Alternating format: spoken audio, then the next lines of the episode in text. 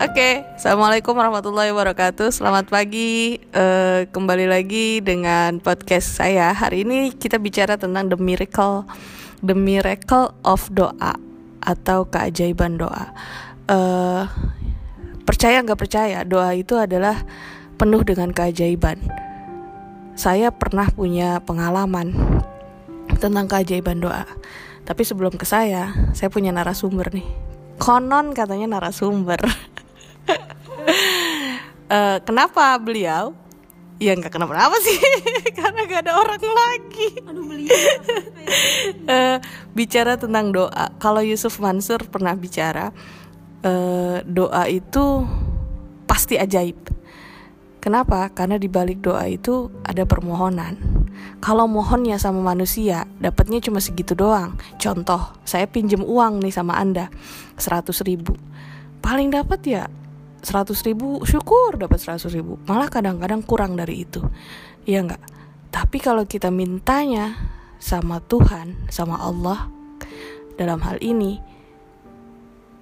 enggak cuma dapat 100 ribu bahkan bisa lebih. Makanya kalau minta itu jangan pernah malu. Kalau mintanya sama Allah jangan malu. Tapi kalau mintanya sama manusia pasti ada malunya. Kenapa? Karena keterbatasan. Bicara soal doa uh, doa itu artinya meminta. Meminta ya meminta itu kan kayak kayak anak nih. Kalau anak mau meminta dia pasti uh, apa mohon-mohon dulu berkata yang baik-baik dulu ngerayu-ngerayu dulu. Begitulah kalau kita mau berdoa. Nggak ujuk-ujuk ya Tuhan kasih saya dong duit satu miliar ya kan nggak akan mungkin kayak gitu. Itu namanya nggak ada etikanya. Oke daripada saya jawab-jawab sendiri kan nggak seru kan? Mendingan jawabnya bareng-bareng. Sama orang yang nggak mau disebut namanya. Kita uh, bilang aja Mrs Miss Miss X ya. XY apa XX kalau kalau XY dari laki-laki kalau di biologi. Kalau XX perempuan. Uh, pernah nggak Mbak? Pernah nggak Miss punya keajaiban uh, doa? Dalam hidup Miss.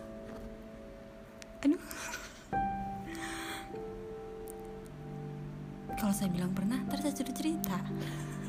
Kalau saya bilang enggak hidupnya segini-gini aja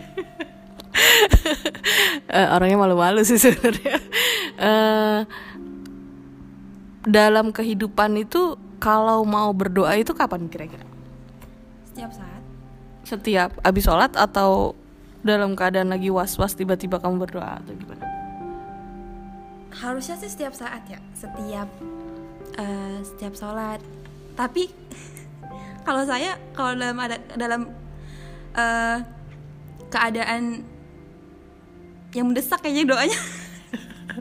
Iya emang biasa gitu. Lebih, lebih khusyuk gitu kalau lagi mendesak itu lebih khusyuk. Lebih fokus nangis nangis iya emang bener bener bener bener. Kalau belum mendesak belum doa ya. Seharusnya harusnya doa setiap saat. Tapi saya kayak gitu deh. Tapi pernah nggak uh, uh, ketika lagi mendesak berdoa terus kemudian uh, doanya iko doa nggak nggak terkabul ya pernah lah kan doa nggak nggak langsung doa langsung terkabul hmm. pasti butuh hmm. waktu. Hmm. terus itu uh, nyikapinnya gimana? Eh sabar. Sabar. Sabar. Hmm. tapi nggak nggak terus jadi marah-marah kan sama Tuhan? Ya enggak. Ya Allah siapa saya marah-marah sama Tuhan? Kalau saya marah-marah ya doanya makin gak terkabul nanti. Iya berarti sabar intinya ya kalau orang berdoa ya. Uh, usia kamu berapa sih? Dua dua dua-dua masih muda lah. Bedanya jauh mas saya. Di usia yang sekarang hmm, doa terbesar apa yang pernah kamu minta sama Tuhan? Uh, sampai sekarang masih jadi doa terbesar saya. Saya pengen banget uh, ngabulin cita-cita orang tua saya. Uh, pengen materi sih jatuhnya ini. Hmm. pengen renovasi rumah. Gitu. karena kan emang dari dulu rumahnya itu belum diapa-apain dari saya dari orang tua saya pindah sampai sekarang belum diapa-apain. Jadi saya pengen banget renovasi rumah. Itu doa terbesar atau panggil tim bedah rumah ya. Iya dong daftarin saya bedah rumah. Ya Allah nanti saya ke hotel gitunya terus rumah saya udah rapi. Iya. Eh, kalau di usia yang sudah 22 kepikir nggak pengen doa spesialis khusus untuk mencari pendamping iya pernah juga doa itu itu salah satu doa juga. Salah satu doa saya setiap waktu. Sholat. Eh, spesifik gak doanya? Eh, maksudnya ininya orangnya. Cici- Maksudnya iya sampai disebutin gitu ciri-ciri Eh, kalau paling eh, saya pengennya orangnya sifatnya kayak gini tapi kalau untuk nama sih nggak saya sebut. Hmm, tapi spesifik ya berarti ya? Maksudnya enggak biasanya kan enggak ya Allah beri saya jodoh. Udah aja gitu. Oh, spesifik berarti. Lebih spesifik iya. Karena memang ada yang bilang kalau berdoa itu lebih baik spesifik gitu. Jadi Allah tahu tujuan kita apa dreamsnya kita apa gitu. Jadi kalau doa cuma sekedar eh kayak contohnya kayak gini deh. Anak kecil eh, lagi kita ajak jalan-jalan terus dia bilang mah mau itu. Mah mau itu. Nggak nunjuk ah, coba. Mah mau itu gitu. Coba deh kita jadi dia eh kita jadi orang yang diminta sama si anak itu. Bingung nggak? Pasti bingung kan? Mau apa sih? gitu kan. Tapi kalau misalnya si anak bilang mah aku mau permen karet lima rasa stroberi jelas nggak jelas. Iya alamatnya jelas. Maka kita akan beli. Oh iya permen karet lima segini harganya. Rasanya stroberi oh stroberi stroberi nggak ada. Adanya ini. Itu kan itu kan eh, apa hal yang lain gitu kan. Ada pilihan. Maka ketika doa saya rasa memang udah bagus tuh mis eh, kamu berdoa dengan spesifik. Karena kalau nggak spesifik eh ngab apa ngambang a- apa ya nggak tertujuan gitu. Eh itu kalau doa spesifik itu sering nggak kamu ngucapin? Iya. Eh, sering. Eh, ini nggak maksudnya eh beda kalimat nggak? Atau kalimatnya itu itu doang? oh kalimatnya setiap doa itu tuh lagi itu tuh lagi sih. Iya. tapi spesifik kayak gitu. Eh, udah berapa tahun itu begitu? Kayaknya semenjak saya membutuhkan cinta. Bucin ternyata dia semenjak saya sadar kalau saya udah tua ternyata ya saya juga butuh pendamping Ay 22 masih muda mas bro kayak baru-baru ini deh kayak tahun-tahun ini Oh iya, ya karena Yusuf Pastor pernah bilang, saya selalu selalu eh, senang sama Ustadz yang satu itu. Dia bilang gini, kalau doa itu eh, kalau bisa istiqomah gitu. Jadi kalau memang kamu mintanya satu itu terus terus terus terus sampai memang dia eh, apa eh, menjadi menjadi milik kita gitu. Walaupun nanti mungkin jalannya, ih kok kayak gini sih Tuhan? Kan saya mintanya yang gini. Padahal mah di balik itu mungkin ada yang jauh lebih baik. Nah itu yang kadang eh, nggak nggak pernah terbesit sama kita, iya nggak? Iya.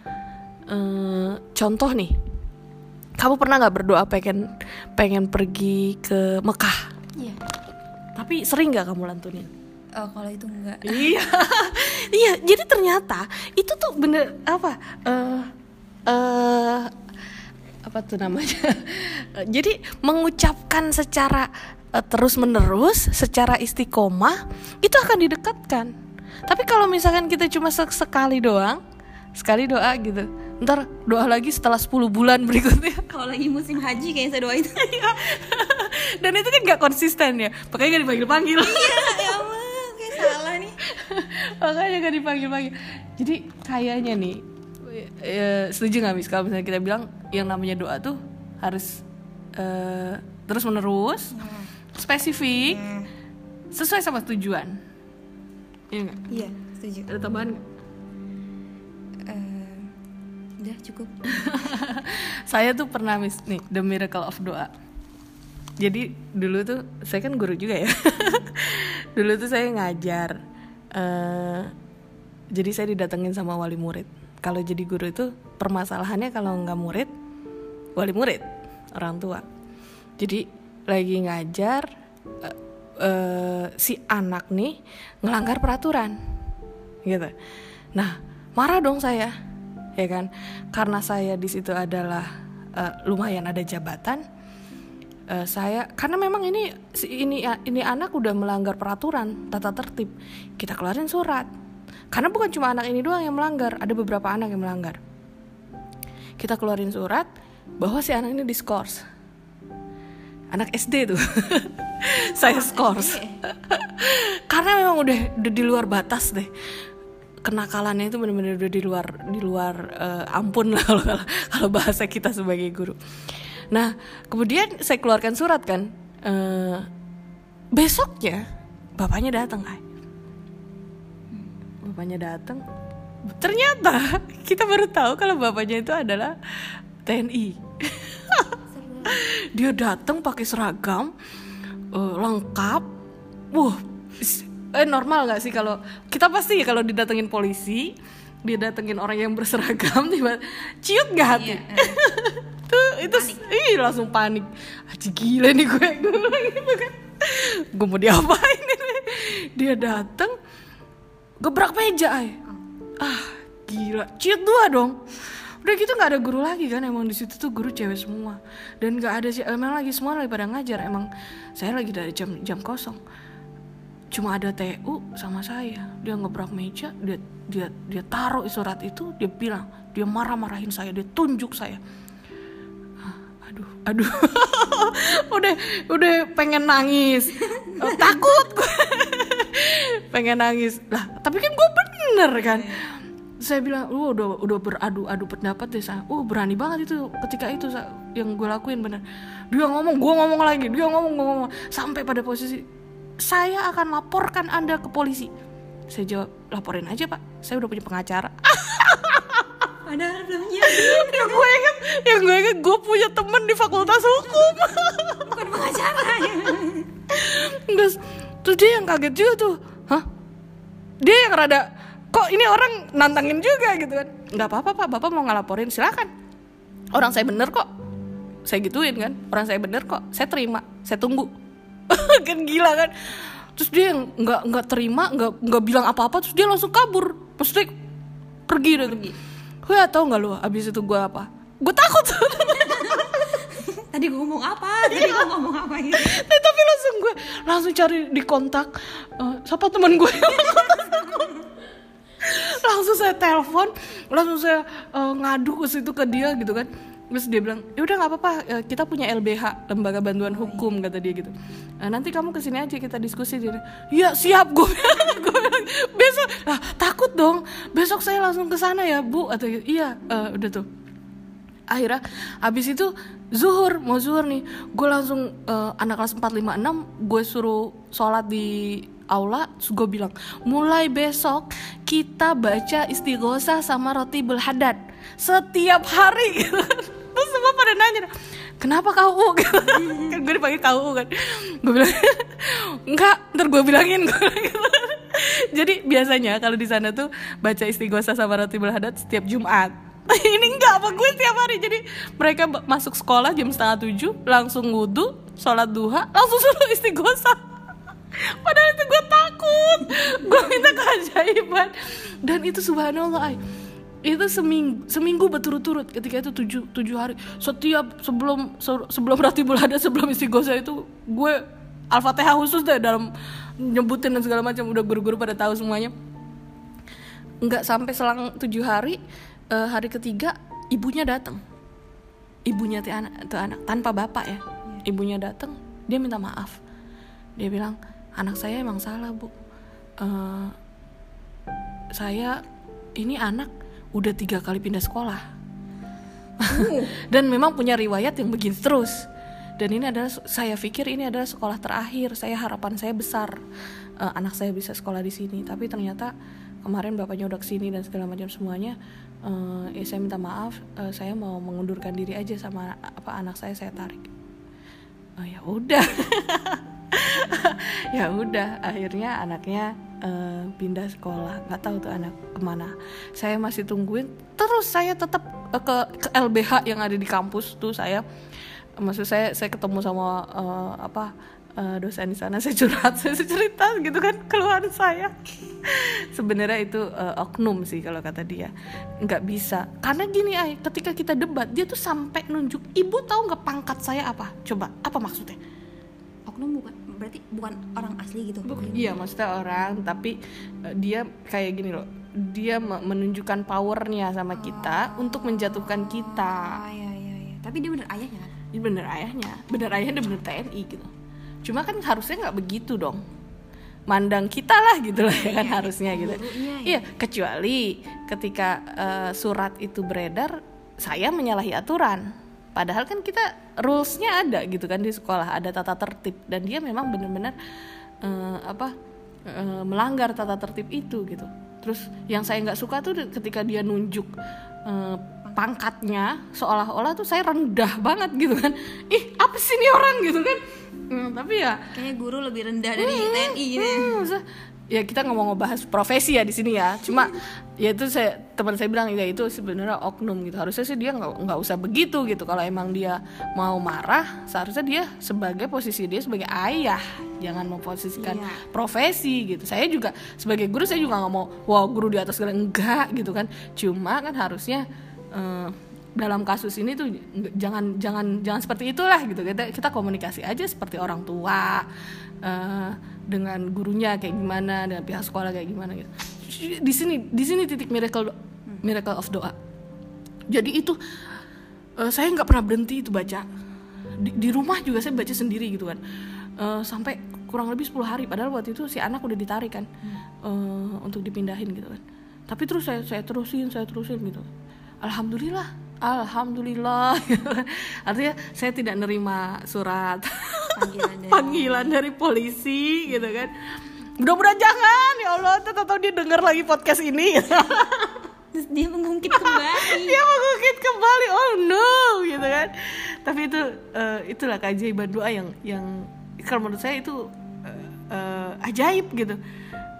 Karena kita fokus kita mintanya satu gitu. Saya ketika itu saya minta lindung ya Allah lindungin saya lindungin saya gitu. Saya nggak sanggup deh. Pokoknya saya nggak sanggup. Eh, bukan berarti eh, apa menantang eh, pernyataan bapak tadi bukan. Emang saya tuh benar-benar eh, takut yang gimana ya? Ya wajar lah manusiawi ya. Iya iya kayak kita mau ditilang aja kan takutnya luar biasa. Padahal polisinya juga bilang remisi gitu. Tapi aduh pokoknya kalau udah sama aparat dan segala macam pasti kita punya rasa ketakutan. Maka doa yang yang yang kita ajukan sama Tuhan ketika doa itu spesifik ternyata makbul gitu. Apa eh, diijabah mudah-mudahan sih mudah ya Allah itu itu benar-benar kalau menurut sampai sekarang gitu kalau saya ingat itu gitu. Kalau kamu punya nggak keajaiban doa yang miracle lah? Ya keajaib yang ajaib benar-benar ajaib. Selama hidupmu 22 tahun ini. Saya kan doa itu baru-baru ini ya bisa. Kemarin-kemarin masih biasa aja kayaknya kalau doa sih ada yang diijabah cuma ya pasti ada lah ya doa yang diijabah sama Allah ya saya bisa kuliah pun itu salah satu doa orang Lulus tua ya? saya iya saya lulus, Lulus. tepat waktu 4 tahun itu salah satu doa. Tuh, amazing banget tuh. Iya. Waktu mau lulus itu ada doa spesifik nggak? Ada sih doanya. Ya paling dipermudah sidangnya dapat Dan itu dosennya yang baik. ja- eh, jangan killer-killer amat gitu ya. Terus bisa eh, bimbingannya di waktu hari Sabtu karena kan saya juga kerja kayak gitu sih. Spesifik sih doanya kayak gitu. Dan dan dan terkabul ya? Alhamdulillah terkabul ya karena diucapkan terus. Iya. Karena diucapkan terus karena tadi mendesak tadi. Iya emang butuh banget ada doa gitu. Jadi the power the, the power of kepepet. Sampai nangis nangis Oh, ya. oh, setiap malam ya Allah ini gimana ngerjainnya? Iya benar benar benar jadi doa ya sama berarti dengan jodoh ya miss ya. Doa minta jodoh berarti. Doa minta jodoh kalau kita nggak istiqomah dengan doa yang kita ucapkan ya gimana ya dapatnya iya Iya nggak? Iya. Apa yang eh, ya kali aja ini yang mendengarkan podcast ini gitu kan punya adik punya adik punya saudara gitu. Harap hubungi saya. gitu. lah kan jo- jodoh itu kan harus dicari gitu Benar, benar-benar Miss. Bisa hubungi nomor yang tertera. Iya, kalau eh, jodoh itu ya memang harus dicari, kemudian ya di, dispesifikin doanya gitu kan supaya nggak eh, supaya nggak salah. Walaupun memang kalau takdir, jodoh, rezeki itu kan memang sudah sudah ditetapkan. Tapi kan ketika kita memilih, maksudnya ketika kita meminta gitu eh, untuk pilihan yang terbaik dalam kehidupan kita, kan nggak salah. Iya. Ya. Nah, iya, jadi nih pesen nih. Ini apalagi bulan Ramadan ya nggak? Iya. Hmm, lagi stay at home aja kan. Doanya makbul. Iya. Eh, doa doa di Ramadan, kemudian ada wabah pandemi gitu kan. Wah, itu amazing banget ya pokoknya deh. Kalau sampai itu kita lewatkan, sayang gitu. Jadi buat para pendengar yang yang masih berkecil hati, nggak tahu eh, eh, minta sama siapa, apalagi dalam keadaan kayak gini ya, Miss Iya. secara ekonomi. Hey, yang di luar sana, yang susah tuh bukan lo doang. Sama saya juga. Sama. Jadi jangan berpikir yang susah ente doang, bukan. Ini tuh pandemi, ekonomi itu udah udah apa? Udah mati gitu. Jadi yang susah bukan anda. Cuma kemarin ada, hmm, saya dengar cerita gini. Tahu Korun nggak? Korun itu eh, raja yang raja ya, Oh, Raja. yang yang yang orang kaya itu Oh, loh, iya, iya, yang iya. zamannya Nabi Musa.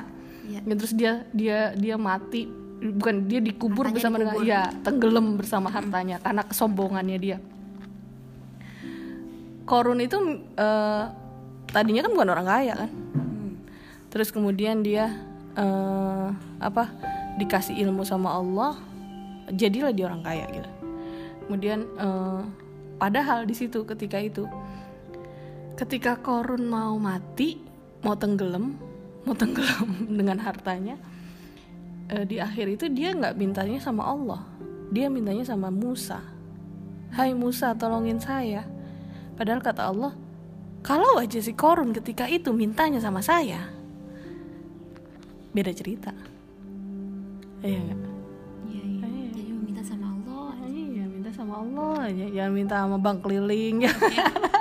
Dikasih sih, iya dikasih. Iya benar. Cuma anda dicekek. iya, tapi kadang-kadang eh, pikiran apa ya? Pikiran yang paling simpel kali ya. Mm-mm. Yang paling simpel itu ya itu yang itu yang akhirnya yang kita kerjakan gitu kan. Yang deket ya itu gitu. Kita lupa bahwa yang yang memberi kita kesehatan, yang memberi kita rezeki, yang memberi kita semuanya itu ada ada Allah. Jadi mulai sekarang semuanya dalam masa pandemi ini eh hikmahnya adalah kita stay at home, ibadah makin Khusyuk. khusyuk. Sama jangan takut miskin. Iya, Karena betul. kita hambanya orang kaya. Eh, hambanya maha kaya aja. Iya, jangan takut miskin, cakep banget tuh. iya, benar benar benar benar. Apa ya? Gue pengen ngomong ya ada gitu maksudnya gini.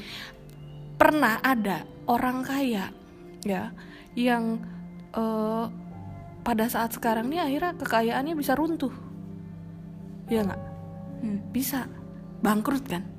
Tapi ada orang kaya yang ya kan udah susah banget ya, ini zaman udah susah banget ini. Tapi kok dia gak susah-susah itu orangnya? Ngapa itu ya? Ternyata eh, konon katanya, saya dengar sini dari ahli agama.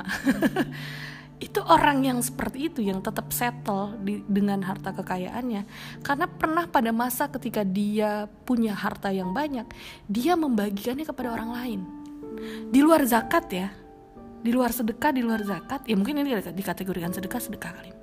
Jadi dia memberikan berapa persen? 5 persen atau ya 5 persen dari harta kekayaan kan udah gede banget sebenarnya. Dia memberikan kepada orang lain gitu bukan orang yang bukan yang memang itu adalah kewajiban dia dua setengah persen bukan. Di luar di luar itu. Dan itu adalah amazing itu eh, harta bisa save. Gitu. Di luar dari ya itu yang disebut eh, ajaib ya. Kadang-kadang kita juga nggak nggak nggak bisa dinalar dengan iya nggak iya nggak iya nggak bisa dinalar dengan logika. Atau tiba-tiba itu terjadi itu gitu kan. Tapi ya itulah. Itu bincangan kita jadi ke mana-mana ya. Padahal intinya intinya padahal doa gitu kan. Intinya doa. Nih saran. Umur 22 itu udah mulai eh, belum sih sebenarnya. Maksud saya kalau masih 22 itu masih muda sebenarnya. Masih banyak yang harus dicapai ya. Iya. Kalau kata bunga lagi sedang eh lagi sedang mekar-mekarnya banyak yang mau mencari gitu. Makanya kalau ada ungkapan wanita di usia segitu tuh siapa lo? Gitu. Mau deketin kita lu siapa? Mau deketin gue lagi. Jual mahal biasanya. Cuma di sinilah letak mulailah untuk berdoa mencari jodoh. Punya target. Ya karena dengan target tujuan hidup itu ada. Hidup kalau nggak punya tujuan nothing ya nggak? Ngapain? Ngapain? Kayak lo mau lo mau ke lautan dikasih kano sekarang bingung kan? Mau ke mana? Ah tapi kalau misalnya nih kano lo capai pulau A jaraknya sekian nyampe nggak? Nyampe. Kenapa tujuannya ada? Sama doa itu adalah maksudnya itu. Kita punya tujuan kita minta tapi istiqomah. Gitu. Ya nggak oke. Seru nggak? Ih pengen banget dibilang seru. Oke. Sampai ketemu lagi. Mudah-mudahan nggak bosen dengan podcast kita kali ini. Eh apa pun keluh kesah kalian minta sama Allah. Minta sama Tuhan istiqomah dengan permintaannya diucapkan terus. Jangan pernah sampai lelah meminta sama seperti anak kecil yang ketika dia minta barang ketika dia minta mainan sama ibunya dia sampai nangis nangis meronta ronta tujuannya untuk apa? Untuk dikabulkan. Begitu juga dengan kita. Kita hamba yang paling lemah tapi kita punya Tuhan yang maha kuat, maha kaya. Tadi makanya dibilang kuatnya hari ini jangan takut miskin. Jadi kalau jangan takut miskin, maka minta sama yang paling kaya. Oke, eh, mudah-mudahan manfaat buat kita semuanya ke depannya. Selamat menjalankan aktivitas dalam liburan COVID-19 ini. Stay at home. Wassalamualaikum warahmatullahi wabarakatuh.